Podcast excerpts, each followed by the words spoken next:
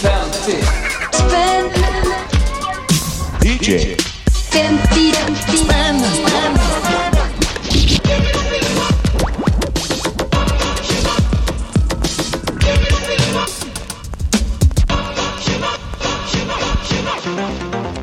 Yes, det är DJ 50 spänn igen. Den här jättedammiga, repiga, knastriga eh, vinylskräpspodcasten där en gäst varje vecka får en 50-lapp av mig för att köpa fem stycken jättebilliga och gamla och ibland helt bortglömda, obsoleta skivor.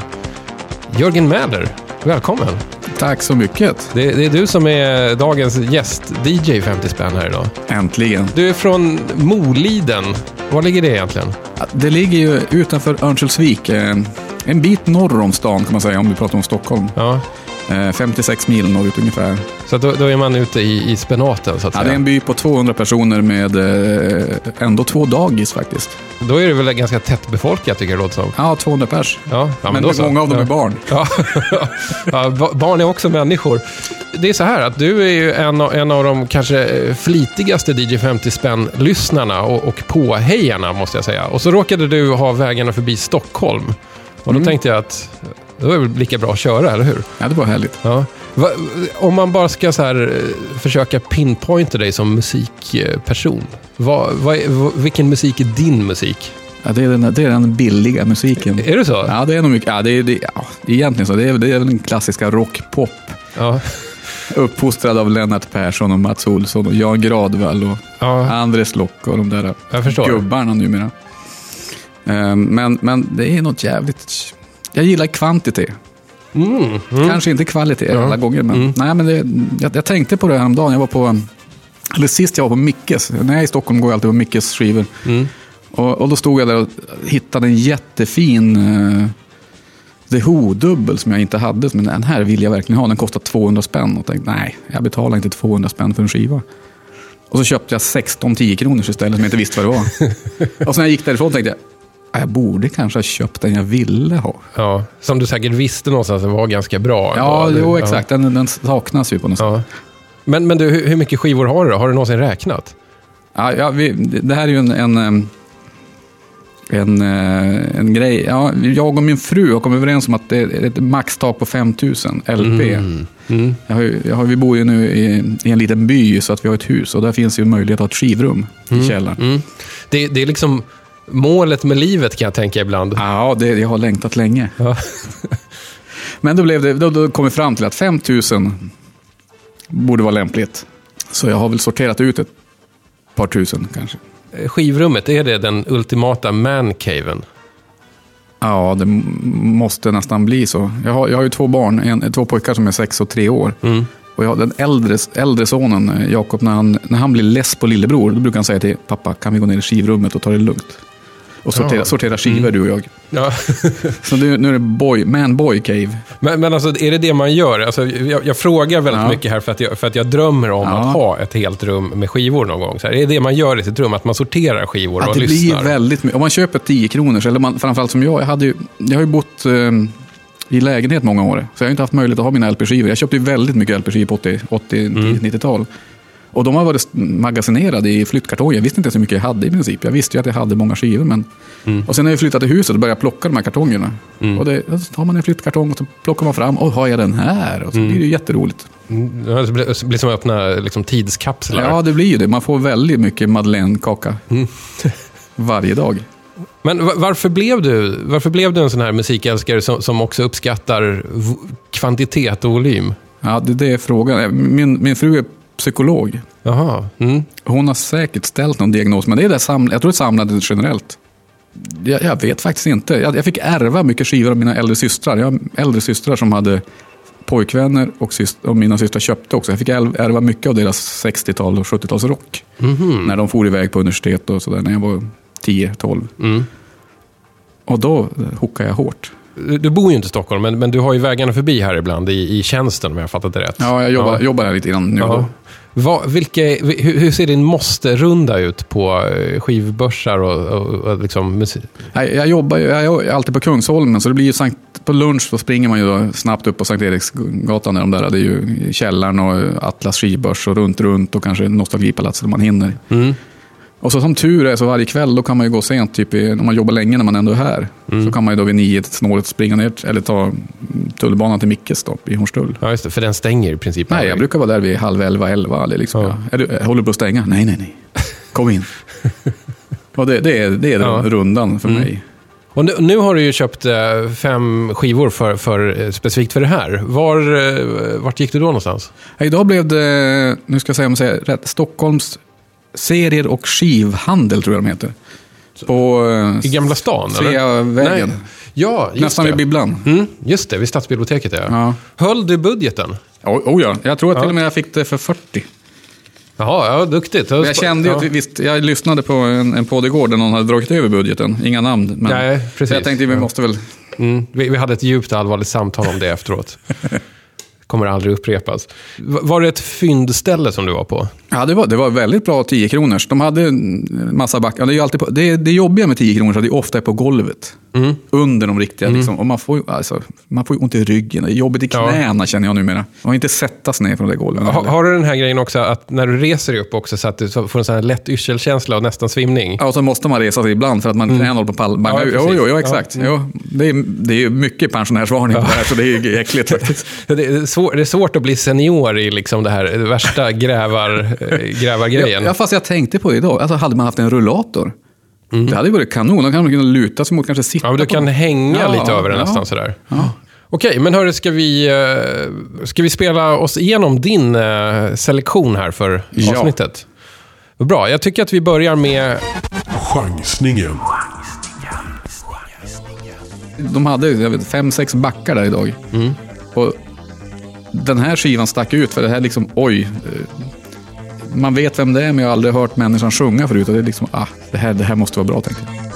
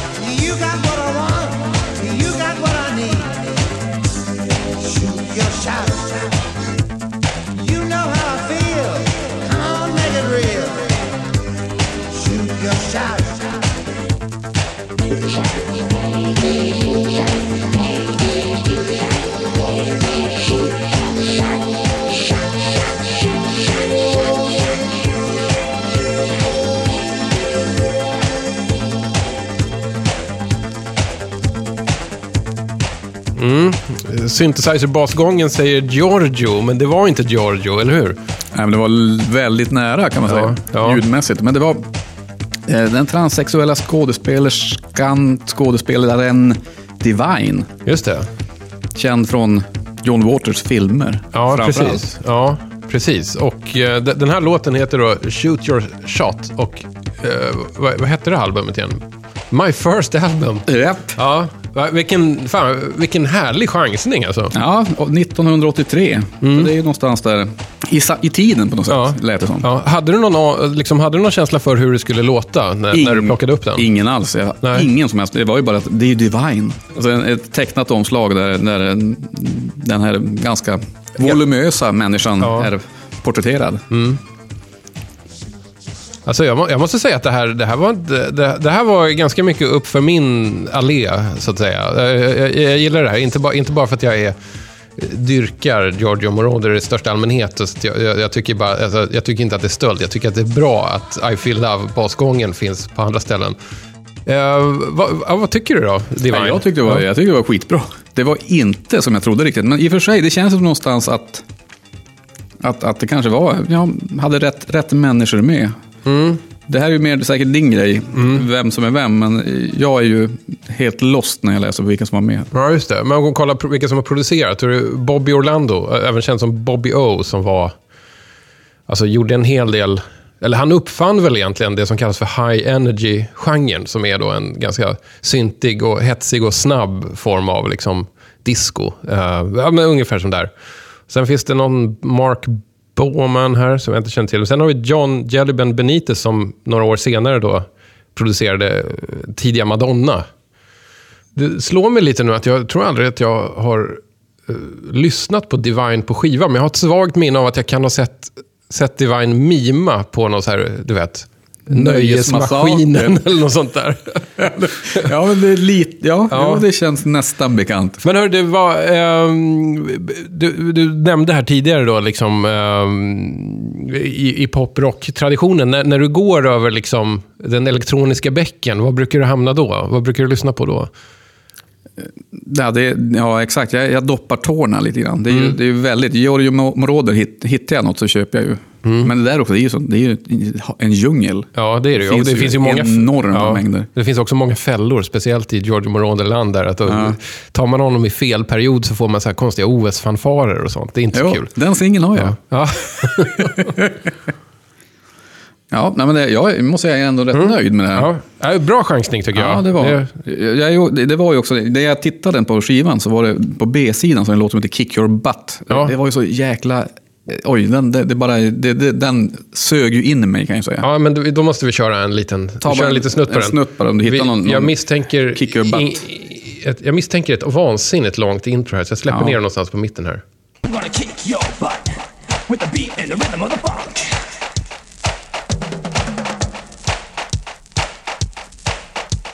kick your butt with the beat and the rhythm of the funk. I'm gonna kick your butt with the beat and the rhythm of the funk.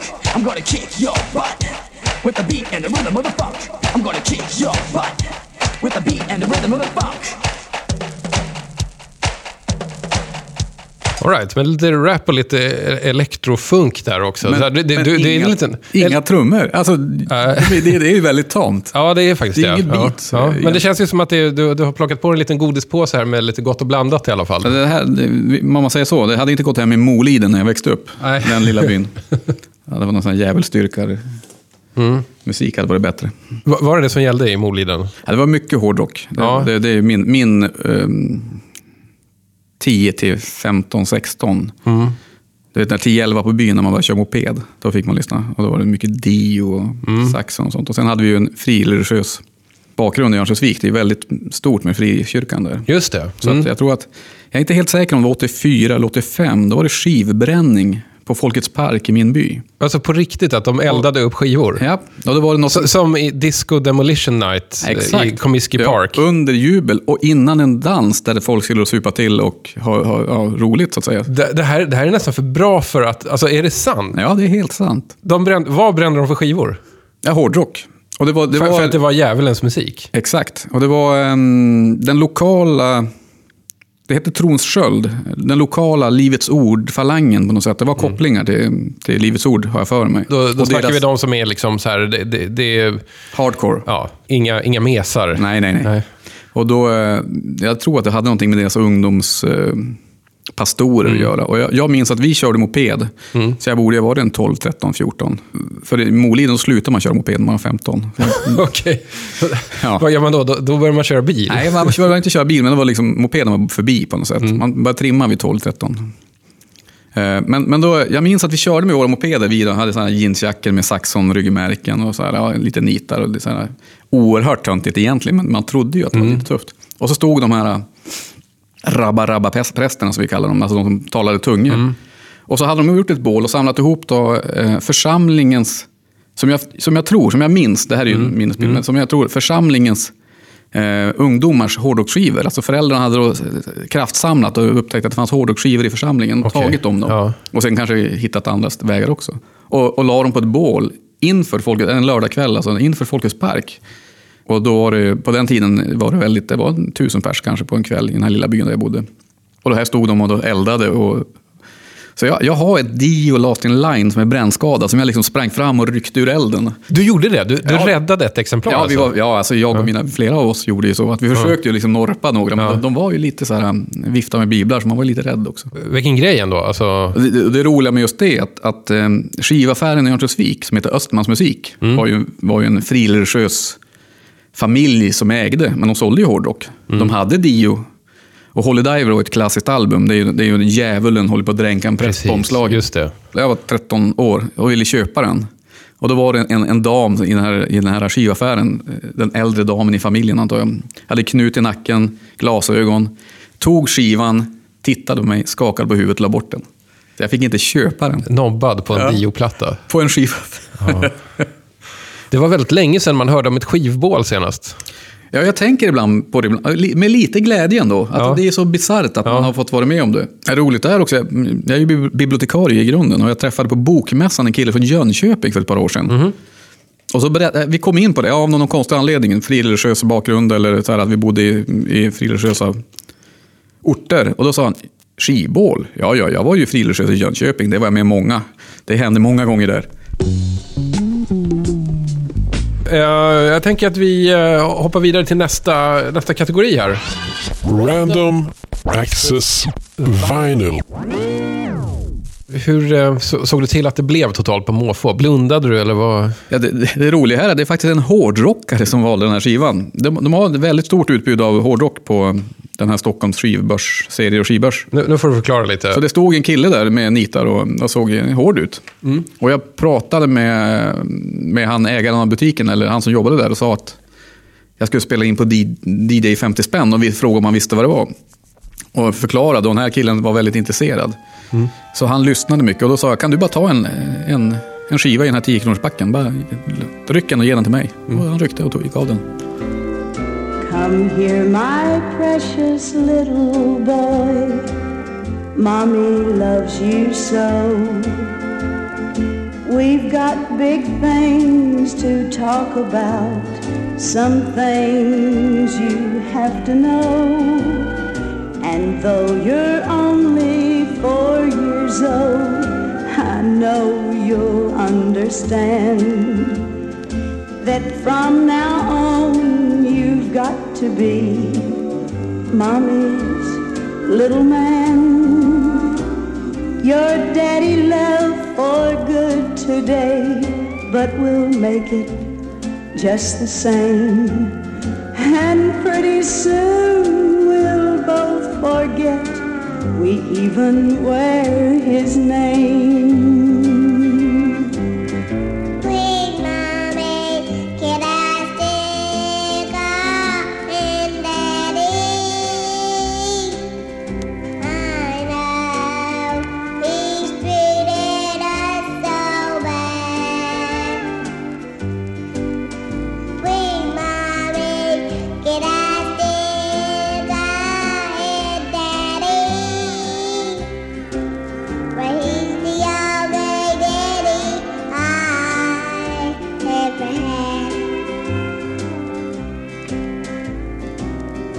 Sweetheart, you must forget.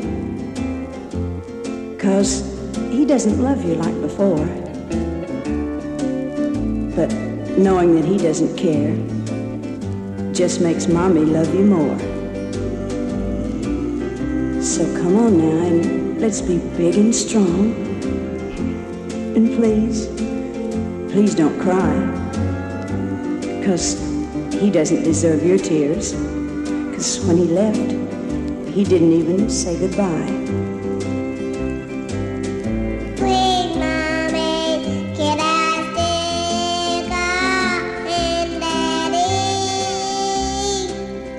Ja, det här var din Random Access vinyl. Vad var det här? Ja, det var, det var en Best of Country and Western volym 2 på RCA Victor, en någon 60-talssamling. Och låten var med Dottie och Bill West. Can I still call him daddy? Ja. Då vet jag att eh, Bill West är Dotties fyraåriga son då, som, som, lär lät sig som en- hata sin son, Ja. sin far menar jag. Och det var den vi hörde här som lät som en smurf. Ja, exakt. Smurfen. Men du, du får nästan kontextualisera. Det här, är- det här, nu, nu, det här vet jag ingenting om alltså. Dottie West, det jag vet är att jag tror hon var jämnårig och kompis med Patsy Cline. Och hon är väl mest känd för att vara den som försökte övertala Patsy Cline att inte flyga hem den där kvällen. Men Patsy Cline ville flyga hem till sina barn. Och Dottie West sa, men du får åka med min bil. Nej, det tar för lång tid. Så flög hon och, och kraschade. Och jag, jag, ja, hon blev väl halvkänd. Och, alltså, hon gjorde väl eh, skivor och, och hon hade... Jag har för mig att hon dog i någon bilolycka. Så här väldigt bisarrt sent på senare tid. Hon gick som många, som Willie Nelson ungefär, som countrystjärnor verkar göra, att de betalade inte skatt och fick en miljonskuld till IRS. Och de ryckte alla hennes möbler och det var massa grejer. Så att då var det någon annan countrystjärna som gav henne sin bil. När hon skulle uppträda någon gång, ja det här är, nu pratar vi 90-tal, alltså när hon är typ 60 år eller någonting. Så startade inte den här bilen, för den, ja, hon hade fått den men den gick inte. Och då fick hon skjuts av sin pensionärsgranne som var 80 bast. Och försenad till Grand Old Opry. Så körde han för fort, kraschade bilen och hon dog. Gud vad sorgligt. Ja, och han överlevde, Ja. har jag läst någonstans. Mm. Och det, det, det hon är känd för det är att överleva en flygkrasch och sen dö i en bilkrasch. Men vem, vem den här countrygubben var som gav henne en trasig bil ja, vet jag faktiskt inte, men det, det går säkert att googla. Men du, den här, den här låten, Mommy, can I still call him daddy? Ja, den var ju helt underbar, Ja. måste jag säga. Ja, men alltså, Lätt bisarr, men... men Ja. en- Det, det är en- det här liksom både, bo- både ett barn som sjunger med, med, med kanske upppitchad till smurfröst och sen pratsång på det. Ja, och, och, och ett generellt starkt hat mot, mot, mot sin man. Ja. Och lära sitt barn. Alltså som småbarnsförälder Ja. så gör det lite ont igen att höra Det, det känns som så här, här, här, är en- här är en kurs i någonting, som man kanske inte ska göra i sin uppfostran. Ja, det var, det var många textstrofer som var hårda här. Va, vad finns mer på, på det här samlingsalbumet? Är, är det, liksom, är, är det det är här en- en, guldsamling eller är det, är det så här, liksom en, en samling med diverse smågrus som de har kastat i en säck? Jag tror att det, är, det, är nog, det kan vara ganska bra, men jag har inte hunnit lyssna på dem. Men det är ju kända namn som Bobby Bear och Chet Atkins. Mm. Porter Wagoner som är känd som Dolly Partons upptäckare och Just. Carter. Mm. Skeeter Davis.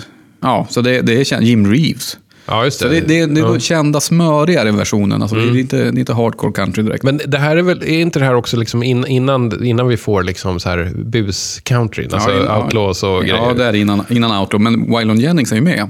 På den tiden han var vattenkammad. Han Ja. hade ju inte skägg då, utan han var ju Mm. vattenkammad. Precis som Willie Nelson var på 60-talet. Detta om eh, ditt eh, slumpval. Vad sägs om... Eh, Nostalgiköpet. Det är dubbelnostalgi här. Det, är sån här 70-talskänsla och eh, två personer som jag inte förväntar mig riktigt att vara tillsammans dyker upp. En, ja, en ja, det här blir spännande. Det här, här, här finns nog en hel del att snacka om, tror jag. Roland, oh Roland Du får mig att minnas en folkparkskväll och jag tror det var i Borås.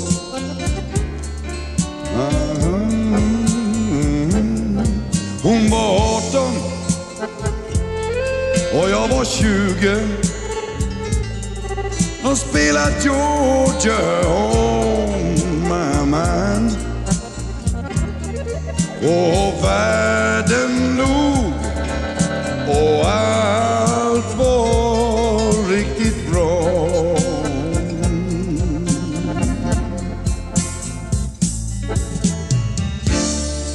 Och det hände väl att jag tänker på vad hon blev av. Men det var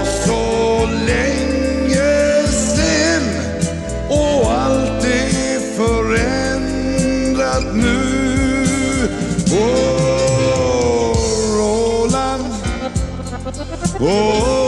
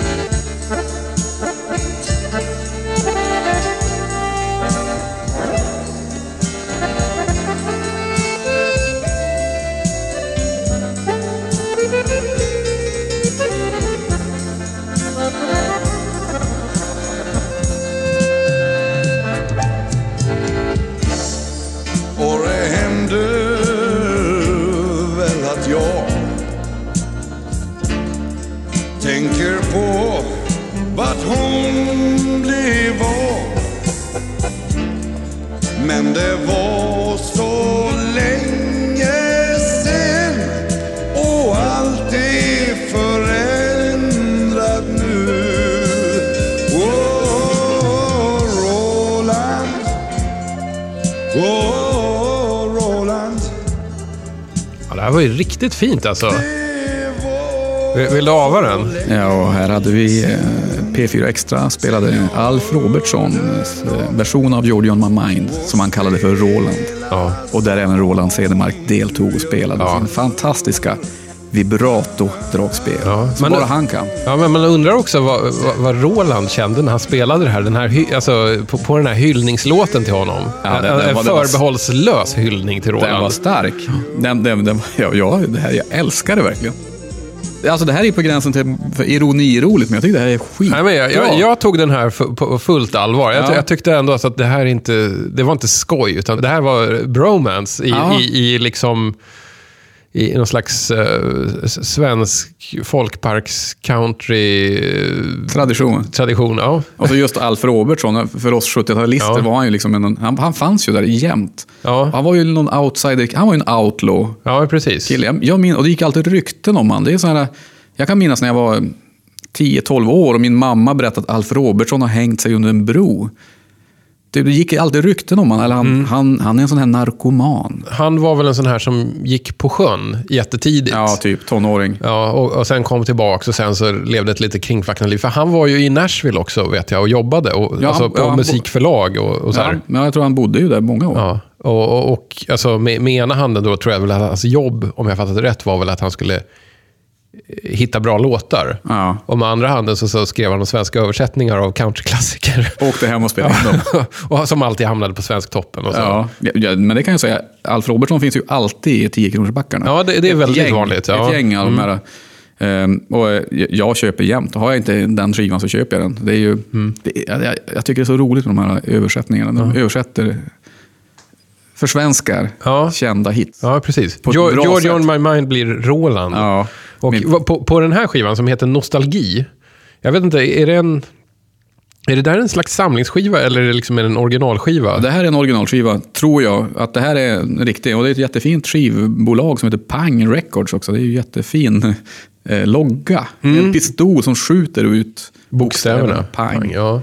Men vad, vad finns det mer för, för eh, översättningar? Ja, Alltså, det, det är den, den klassiska eh, Soul R&B-låten High Heeled Sneakers. Ta på dig höghälspumsen. uh, Who's sorry now blir Vem är ledsen nu? Mhm. Nothing rhymed, är det fel? I washed my hands in muddy water blir, blir Alibaba. Ja, eh, ja, såklart. Ja. Whole Lot of Shaking Going On av Jerry Lee Lewis blir Jag ställer klockan på väckning. det känns bara, den här skivan skulle man kunna göra en, en hel Ja, special om. Ja, verkligen. Ja. Eller Alf Robertson. Ja, men det kanske blir en Alf Robertson special så småningom. För det finns ganska mycket att, att gräva i där också. Och det är någonting speciellt med Alf Robertson. Alltså, jag, jag kan tycka att, att vissa av de här skivorna som hamnar i 10 kronors backen nästan inte borde få stå där. Nej, nej och den, den där, just den här kändaste skivan med äppelvin. Eh, hundar och ungar och hembryggt äppelvin. Mm. Som är någon känd låt. Och på framsidan är för man sitter och spelar en sittra. Ser ganska utmärglad ut. Mm. Ja, det ser ut som man kommer direkt från rehab eller något sånt där. Eller kåken. Ja. Eller, eller har hängt under en bro. Det och och, ja. Mm. det, och, det är liksom, och den, den ser man jämt. Och den ja, är ju skitbra. Men antagligen sålde han väl mycket också. Det är väl så med alla de här 10 kronor. Ja, de, de sålde ju mycket och då fanns det i alla hem. Eller rätt många hem. Jag tycker att det var någonting ändå med, med hur han sjöng här också. Att det, var, det var ganska grusig röst. Alltså, Alf Robertson kan ju låta lite mer välkammad i rösten ibland Ja, också. jag den här lite smetigare countrykillen. Men, men jag, det, det jag tycker, ofta när jag lyssnar på Alf Robertson, Mm. det, är ju, det är ju välproducerat. Det blir ju så här... Mm. Nästintill slätstruket kan det bli. Mm. Men, men hans röst gör ju att det går igenom. För han, han, han menar ju det han sjunger på något sätt. Även när han sjunger Roland. Vi är redan framme vid... eh, Skivbörsklassikern.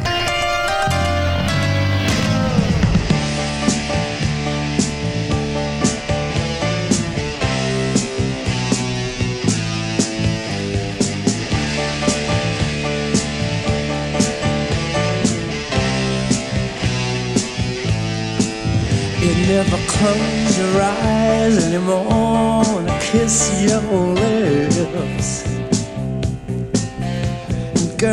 there's no tenderness like before in your fingertips. Ooh, you're trying hard not to show it, but baby, something's wrong and you know it. You lost that loving feeling. Oh, that loving feeling.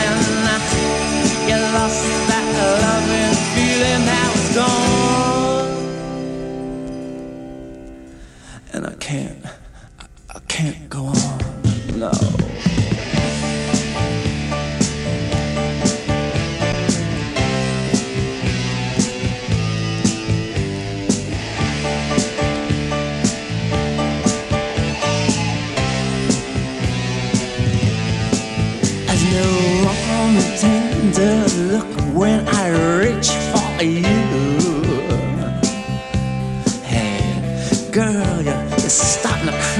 Criticize little things I do. Oh, uh, sometimes I feel just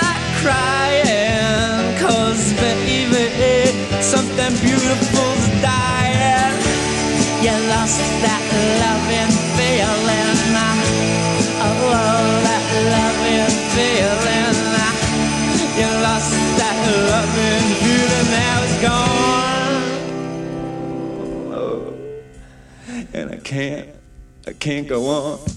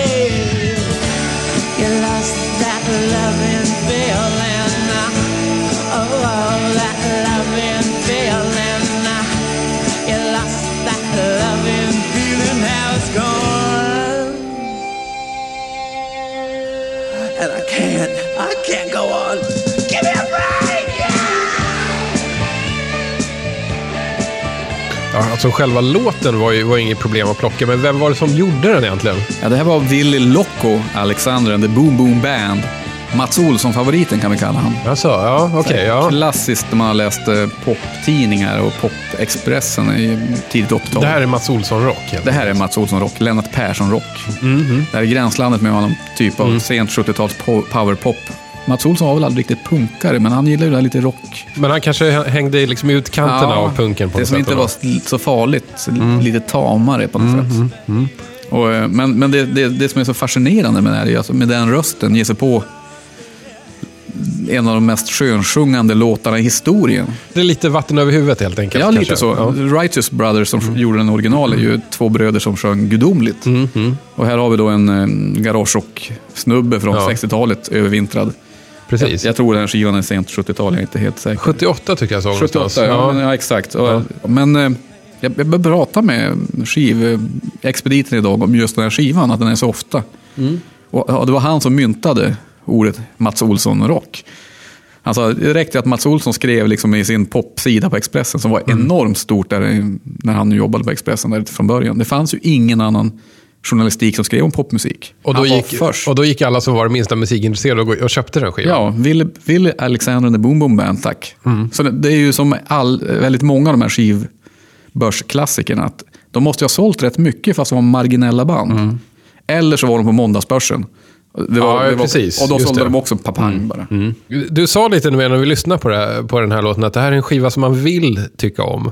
Jo, Jo, men det är ju lite så. Alltså, Framsidan det är ett svart omslag, en, lite, ja, fyra killar som försöker se hårda ut. Man tycker lite synd om dem nästan. Man, eller vill ta hand om dem. Och, Helst trummisen, en klassisk trummis. Mm. Ja. Öppen mun, slö blick. Ja. Och det är roligt att man vänder på skivan på baksidan så han exakt Ja. likadan ut, fast på ett annat foto. Öppen Ja, mun, han, slö han blick. befäster trummisstereotypen. Ja, jo, det är enormt. Man tycker att det borde finnas någon slags medborgarrättsgrupp som, som, som då pratar för trummisar och så här stoppar det här omslaget för att det är liksom att spä på en, en, Ja, en- en nidbild som redan finns. Exakt. Däremot han just Ville Loco Alexander, han, han ser ju rätt sjavig ut. Mm. Lite så här eh, serieteckning, lite sned, ja. Ja, det har du Jag- faktiskt jag, rätt i. gillar, Ja. Mm. gillar han. Han skulle kunna vara, skulle kunna vara med i Spirit eller någon sån där gammal klassisk serie. Och det jag vet om honom, anledningen att jag, jag vet någonting alls om honom, det är att han eh, spelade i Val- Velvet Underground en kort period.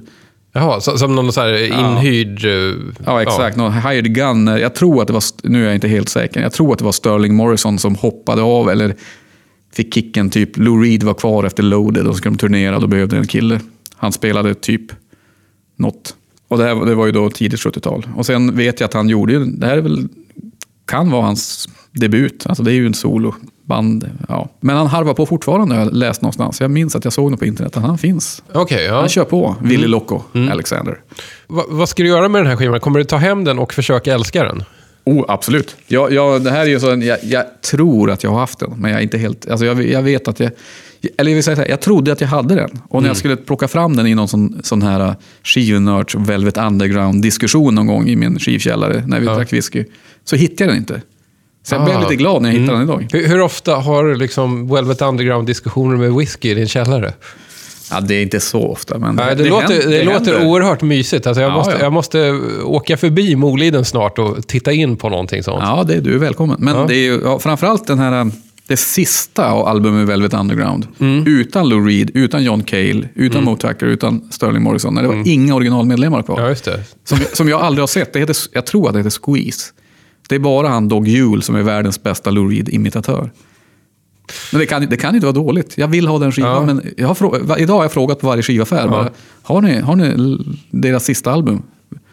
Två av tre visste inte ens att den fanns. Nej. Jag är inte alls någon expert på Velvet Underground. Nej. Alls. Men jag tror att Lou Reed till slut, nej skit i det här, fuck it. Och då sa skivbolaget till Dog Yule, gör en skiva till och kör. Och kickade rubbet. Även, jag tror, att, jag tror inte Wille Alexander är med på den Nej, skivan. okej, Han borde ja. ha fått vara med. Men, men är, det, är det återuppgivet någon gång? Jag tror att den sålde säkert skitdåligt som alla Velvet Underground-skivor gjorde. Och jag, tror inte, jag, har, jag har försökt att hitta någon typ av utgåva, Mm. men det... Jag tror att han, han killen på Runt Runt idag, han sa att eh, jag har den själv. Den brukar inte vara dyr, men man ser den aldrig. Det är ingen som vill ha den. Det är ingen som tar Den- det på allvar Den kanske? är svårsåld, men, men den är udda. Ja, då har vi bara en kategori Ja. kvar här i din skivhög. Alltså, och det är... Fyndet. Ja, Den, den bra skivan. som jag inte hade. Som du jag- inte som, hade? Som jag blev glad, som jag Ja. faktiskt blev förvånad att den kostade 10 spänn. Jag tänkte oj, Ja. det var snällt. Fast jag, jag tycker nog att den där kan nog dyka upp hyfsat jag, jag, ofta. det sådär. känns ja. som att jag har sett den också. Den, den har väl kanske, oj, här var det, oj, kolla här. Va? Har du en present i? Det var en bonussingel i. Oj då. Det låg en singel instickt. Vad, vad var det? Willard Ringstams Hammond-kupol. Ja, men fantastiskt. Ja, det där såg väldigt men bra det, det, är nästan, det får vi nästan köra som bonus. Ja, vi tar jag. det som efter. Ja, vi, vi, Ja. Jag kan inte ha sagt ja, det. men nu, nu kör vi... eh, Nu, nu, nu kör vi... eh, Ja, nu kör vi den bra skivan. See the light come in the morning. See the light come in the morning. See the light come in the morning.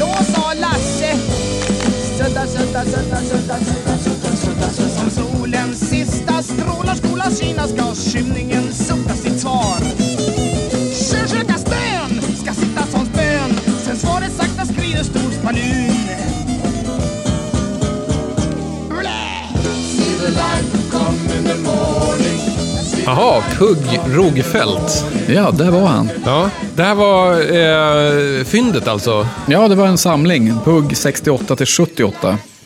Lite singellåtar, lite hits från hans skivor. Mm. Och det här var föräldralåten från hans andra album, Puggers, som, Ja. jag, inte- som jag inte har faktiskt. Nej, som också är, är det inte det lite, den lite konstiga Ja, Pugg-plattan? jag tror att det är den udda skivan där Anders Burman tvingade han att hitta på ett eget språk och sådär. Väldigt Ja, just det. Ja. flummigt. För att de flesta Pugg-plattor man hittar i, alltså i en skivbörs i 10-kronorsavdelningen, det är ju en, det är den här liveplattan där han lirar med typ Janne Lukas Persson och Ola Magnell. Och Gylfen. Ja, just det, precis. Gylfsolot. ja, men du, varför valde du den här Pugg-samlingen som fyndet? Ja, jag har den inte. Ja, Jag okej. gillar, ja, jag gillar ju- Pugg skarpt Mm. och det är så roligt. Det är, har, har du varit på Cirkus, det är ju singellåtar som eh, man inte har helt enkelt. Mm. Ja, Inneromslaget här är ju jävligt eh, snygga bilder faktiskt på Pugg. Mm. Flera bilder där han ligger på en gatsten. Och, här, och framförallt en bild där han har en knytblus, en stentvättad jeansjacka eller något, uppvikta piratbyxor, jeans, skottsrutiga strumpor och ser ut som Robert Jelinek i Creeps. Ja, med sin, väldigt likt med sin faktiskt. rakade skalle. Han är klockren Ja. kopia. Du, vad är det du gillar med Pugg? Ja, de- den här låten framförallt, som inte jag har hört så jättemånga gånger faktiskt. Men den, det, svänger ju sjukt. Alltså, hitta på det här. Man får tänka att det här är ju... Det fanns ju inte Nej, nej. svensk musik som svängde på det sättet. Och så hittar han på att göra en låt som Ja, det här är också en låtsasspråk nästan. Engelska, Mm. svenska och någon låtsas hittepå. I like. Jag har faktiskt ett, ett öppet arkivtips som är PUG Rogefeldt-relaterat. Ah, Jag, jag kikade runt lite, klickade planlöst och hamnade liksom på eh, taggen musik. Och då hittade jag eh, fyra avsnitt, tror jag det. Tre eller fyra avsnitt av någonting som heter Jerry Williams show från sent 70-tal. Det alltså- minns jag. Ja, Jerry Williams har alltså en egen show på Han SVT. pratade ju så fantastiskt där. Och i ett av avsnitten, han ja, exakt. I ett av avsnitten så dyker ju Pugg Rogefeldt upp i någon slags liten kaftan och bar, barfota. Åh, Det kan man njuta lite av. Det, det är idag jag ställde faktiskt frågan, har ni inget Jerry Williams? För Mm. det var en sån här ungdomshjälte. Han körde motorcykel, han spelade eh, rock'n'roll. Mm. Men det hade de inte. Vi tar inte in Jerry Williams, har de på alla skivbörser. Är det för att det finns för många, att man inte blir av med dem sen? Nej, de säljer dem tydligen inte. Det finns, det finns ett, det är en, sån här, en, en av mina drömskivor. Det är någon, en skiva han har gjort som heter Money. Mhm, mm. Omslaget är fantastiskt. Han står i gul läderdräkt, håller i en hammare och typ en bunt med dollar. Och så, och så, eh, just den här man, låten Money, det är Nor- Northern Soul Men är, Stomp. ja, det, är- det är alltså från hans liksom souliga period då? Ja, det är tidigt 70-tal, så det är, ju, det är precis innan han blir lädermotorcykelknutte Ja. fullt ut. Utan, för det jag minns när jag var liten där på sent 70-tal, det var att han kom med en jättestor, vad han nu körde, Honda tror jag han körde. Ja, han körde, han körde japaner för han tyckte Ja. att, att amerikanska motorcyklar var lite överskattade. Ja, exakt. Obekväma. Mm. och så kom han liksom där med, och alla omslag, då satt han på någon stor sån där eh, Honda-hoj. Och hade alltid skinnjacka och så hade han handen bakom örat och sjöng Mm. I can jive. Och var på tv mycket. Och jag var, usch, han var stor. Men nu, nu är jag jäkligt nyfiken på min hammond Ja, vi kör, också. vi kör, en vi kör Hammond här. Det här är alltså singel som ramlade ut ur Pugg. Pugg-skivan här. Willard Ringstrand. Skiv, eh, EPn heter Hammond. En, en stilig karl som sitter och spelar Hammond-orgel. Ja. Foxtrot eller rytm, Jörgen? Jag kör något, eh, något bra.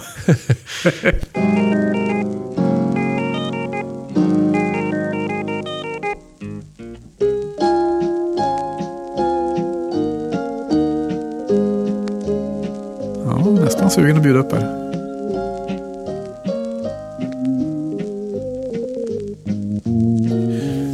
Hörru, vi, vi börjar närma oss den, den oundvikliga slutpunkten i det här. Ja, Säg ett decennium, så langar jag fram en James Last-platta. ja nu, nu har vi gått så långt tillbaka, men ta eh, 80-tal skulle funka. Ja, perfekt. Vi ska se vad vi kan hitta. Går du till kassaskåpet nu eller? Ja, jag ska se här.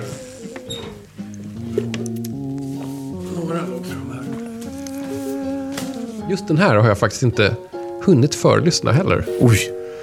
Eh, det var underbart att uh, ha det här. Här kommer din James Last-låt. Ska vi se hur många mikrosekunder det tar innan du plockar den.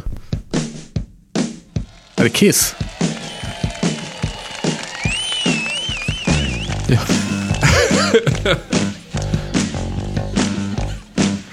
The Knack. Ja. Tänkte att du kunde uppskatta lite rivig... Ja, den, den var, jag stod och höll i den här idag. Ja. Rivig 1979. Ja, exakt. 80-tal. Rock. Ja.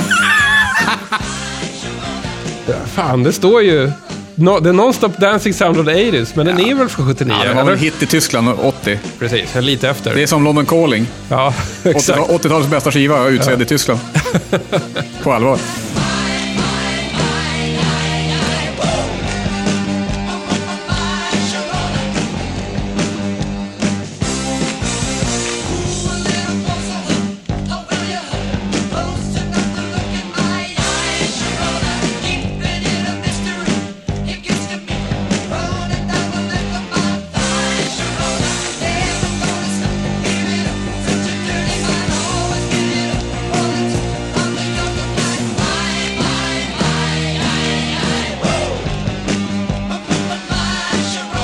Kolla, kolla alla Nu kommer vi in på min anekdot om när jag träffade Sveriges bästa James Last-försäljare. Shit, ska vi köra den?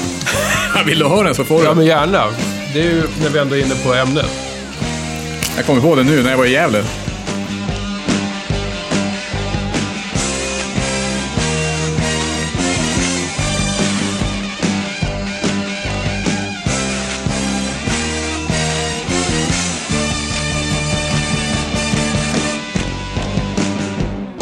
Ovanligt lång för att vara James Last. Han brukar ju liksom bara ta Men alltså, nu är det som den. eh, rock'n'roll också. Det är inte, Nej. det är inte blås... Eh, Nej, ja, men det, som, det, som, det låter som att han nästan har sparkat hälften av sitt band här. Liksom. Och hälften av killarna som står, Mm. eller hälften av människorna i studion står och bara dansar.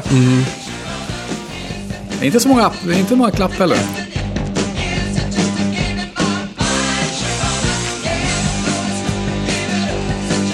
Nej då, han slutar inte. Det är non-stop Nej. dancing Tommy, du måste ac- Ja, acceptera. Ja, de, de, hon tycker det här är ett, ett, liksom ett, ett riff som kan, som har liksom, det är som en evighetsmaskin. Det bara fortsätter. Kan inte du berätta om, om din James, eh, alltså din... James Last Experience. Ja, exakt. Det, det var ju, din podd har ju triggat mitt James Last-intresse kan man säga. Jag hade ju någon Her- skiva. Herregud, jag vet inte om jag vill vara ansvarig för något Ja, sånt. du är fullständigt ansvarig för det. Men det är inte så lätt att hitta James Last. Nej. Framförallt i Stockholm är det sällan jag har Mm. sett någon. Men det, det hände så att jag var i Gävle och där finns det, tack och lov, tre skivbörsar. Fantastiskt fint. Och den som ligger i centrala stan som jag inte vet vad den heter. Jag gick och, gick och mumlade runt där som man gör på en skivbörs. Och sneglade på andra skivgubbar och skivtanter. Mm. Ingen pratar med någon och skiv, han bakom disken ser sur ut. Ja, som det ska vara. Som det ska vara. Och gick jag efter ett tag och tittat runt där och jättedyrt var det tyckte jag. Frågade jag, har du några 10 kronors eller billiga skivor? Ja, ja, de står utanför och så hade de utanför butiken i någon tvärgång, så här, lite gömt. Så, har du en James Last? Jajamän. Åh, vad bra. Ja. ja, du ska veta, så. Jag var den som sålde mest James Last på 70-talet i Sverige. Jag fick pris för det. Tänk, tänk att det finns ett James Last-pris. Ja, alltså. det måste ju vara typ någon utmärkelse från något skivbolag. Så han sa att han hade någonstans i ett förråd. Jag försökte här att köpa det här grejen, men han, nej, han ville behålla allt. Men han hade i något skivförråd någonstans bakom, nere under någon källare, ett James Last-stånd där hans James Last-skivor hade stått. Och Gävle var alltså staden som sålde, köpte mest James Last på 70-talet i Sverige. Det här, det, här, det här är så oerhört nischad kvalitetsinformation så jag, vet, Ja. jag håller på att sprängas här. Alltså, Det, jag, det kan bli en, en, Ja. en resa kanske. Men då, då sa han, du, den du ska ha, det är, nu kommer jag inte ihåg vad den heter, men soul cover-versionen. Den är rare, men den är bra. men den hade han såklart inte då. Nej, inte till salu. Nej. Han hade den, men inte till salu. Förstår.